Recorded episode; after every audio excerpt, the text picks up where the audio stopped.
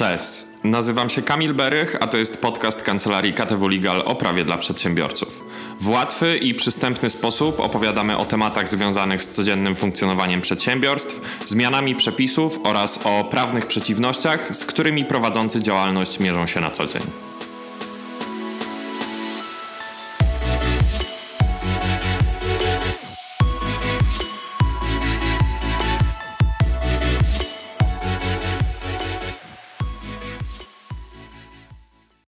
Witam Was bardzo serdecznie w trzecim odcinku naszego podcastu o prawie dla przedsiębiorców. Na samym początku chciałbym bardzo podziękować za wszystkie komentarze i za cały feedback, który od Was dostajemy.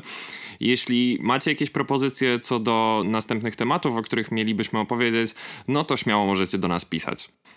Dzisiaj opowiem Wam o kolejnym ciekawym zagadnieniu, jakim jest umowa know-how. I dlaczego to zagadnienie jest ciekawe? Ano to dlatego, że każdy gdzieś o tym słyszał, ale mało kto tak naprawdę wie, co to jest, w jaki sposób funkcjonuje i jak można wykorzystać umowę know-how w swoim przedsiębiorstwie.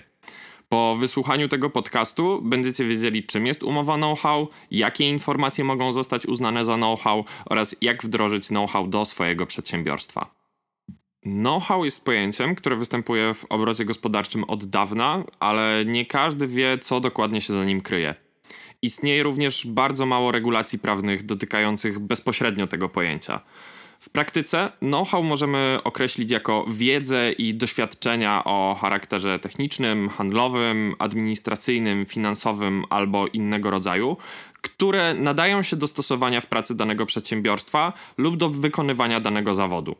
E, I to jest definicja wzięta z Międzynarodowego Stowarzyszenia Ochrony Własności Intelektualnej, a z kolei unijne uregulowanie zawarte w rozporządzeniu Komisji Unii Europejskiej z dnia 21 marca 2014 roku w sprawie stosowania artykułu 101 ustęp 3 Traktatu o funkcjonowaniu Unii Europejskiej do kategorii porozumień o transferze technologii tłumaczy know-how jako pakiet informacji praktycznych wynikających z doświadczenia i badań, które są po pierwsze niejawne, czyli nie są powszechnie znane lub łatwo dostępne.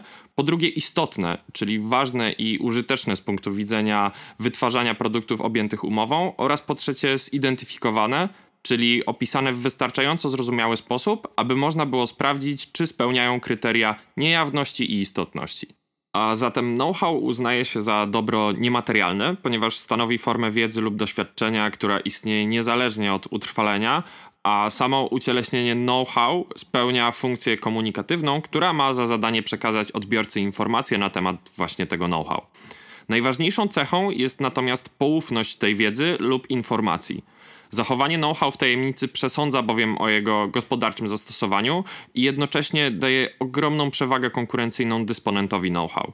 Jest tak dlatego, że w porównaniu do innych podobnych praw, takich jak na przykład prawo patentu lub wzoru przemysłowego, know-how jest prawem, które w żaden sposób nie jest ograniczone czasowo i pozostaje do wyłącznego zastosowania jego dysponenta. W takim razie pojawia się pytanie, jakie informacje mogą być traktowane jako know-how i jakie zastosowanie może przynieść wdrożenie i zachowanie poufnej wiedzy na wyłączność przedsiębiorcy. Za know-how uznaje się przykładowo receptury lub przepisy, strategie marketingowe, metody analiz finansowych, informacje związane z zarządzaniem przedsiębiorstwem, a także różne rozwiązania techniczne i to zarówno takie, którym przysługuje zdolność patentowa, jak i takie, które takiej zdolności z różnych względów nie posiadają. Przykładami ze świata dotyczącymi utajnienia efektów swojej pracy w celu ochrony tajemnicy receptury produktu mogą być takie produkty jak napój Coca-Cola, preparat WD-40 czy też osławiona panierka z KFC. Wdrożenie pewnego pomysłu, który jest znany tylko samemu twórcy w działalność danego przedsiębiorstwa, może przynieść wiele korzyści, które w zależności od materii know-how przyczynią się do poprawy wyników finansowych, usprawnienia procesu produkcji czy też sprawniejszego pozyskiwania klientów.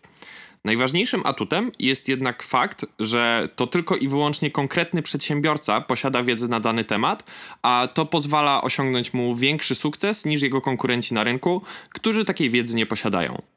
Stan faktycznej wyłączności know-how stwarza również możliwość do odpłatnego udostępnienia takiej wiedzy poprzez odpowiednio skonstruowaną umowę, w praktyce określaną właśnie jako umowa know-how, która powinna zawierać precyzyjne postanowienia przede wszystkim w obszarze zachowania wszelkich pozyskanych informacji w poufności oraz przekazania i zakresu korzystania z know-how. No to teraz pojawia się pytanie, jakie są sposoby na wdrożenie know-how do swojego przedsiębiorstwa. I powszechnie uznaje się, że know-how może stanowić wkład niepieniężny do spółki prawa handlowego po spełnieniu odpowiednich kryteriów tzw. Tak zdolności aportowej. Do takich kryteriów można zaliczyć przykład zdolność bilansową, czyli możliwość dokonania wyceny wkładu i umieszczenia go w bilansie spółki po stronie aktywów, zbywalność, czyli możliwość dysponowania przedmiotem wkładu przez spółkę oraz przydatność i dostępność dla spółki, czyli możliwość zastosowania konkretnego wkładu w ramach działalności spółki zarówno poprzez używanie, korzystanie, jak i rozporządzanie tym wkładem.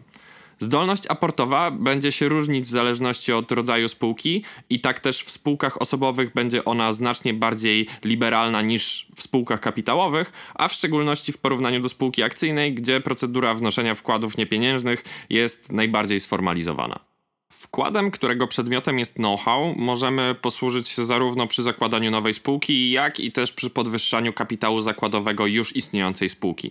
Musimy jednak pamiętać o trudnościach, jakie wiążą się z procedurą wnoszenia takiego wkładu. Warto zwrócić uwagę na wymogi ustawowe przy wnoszeniu wkładów niepieniężnych, a są nimi na przykład określenie przedmiotu wkładu w umowie spółki oraz jego wycena.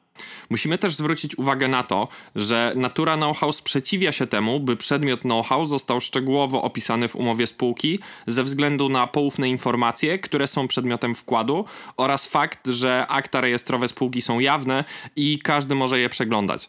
To teraz jest tym bardziej ułatwione, kiedy od 1 lipca tego roku akta rejestrowe są prowadzone wyłącznie w elektronicznej formie.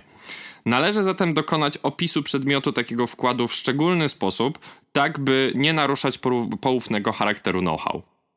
Podsumowując, know-how może stanowić wkład w każdej spółce handlowej po spełnieniu odpowiednich warunków i może być również przedmiotem obrotu umownego wśród przedsiębiorców. Z pewnością posiadanie faktycznego monopolu w korzystaniu z konkretnej wiedzy daje nam olbrzymią przewagę konkurencyjną i warto również zadbać o odpowiednie zabezpieczenie przed y, niepożądanymi wyciekami takich danych. Jako kancelaria oferujemy Państwu pomoc w procedurze wnoszenia wkładów niepieniężnych oraz przy tworzeniu odpowiednich umów. To był podcast kancelarii KTW Legal. Więcej o prawie dla przedsiębiorców możesz znaleźć na stronie internetowej www.ktw.legal oraz na naszych fanpage'ach na Facebooku i na LinkedInie. Zapraszamy.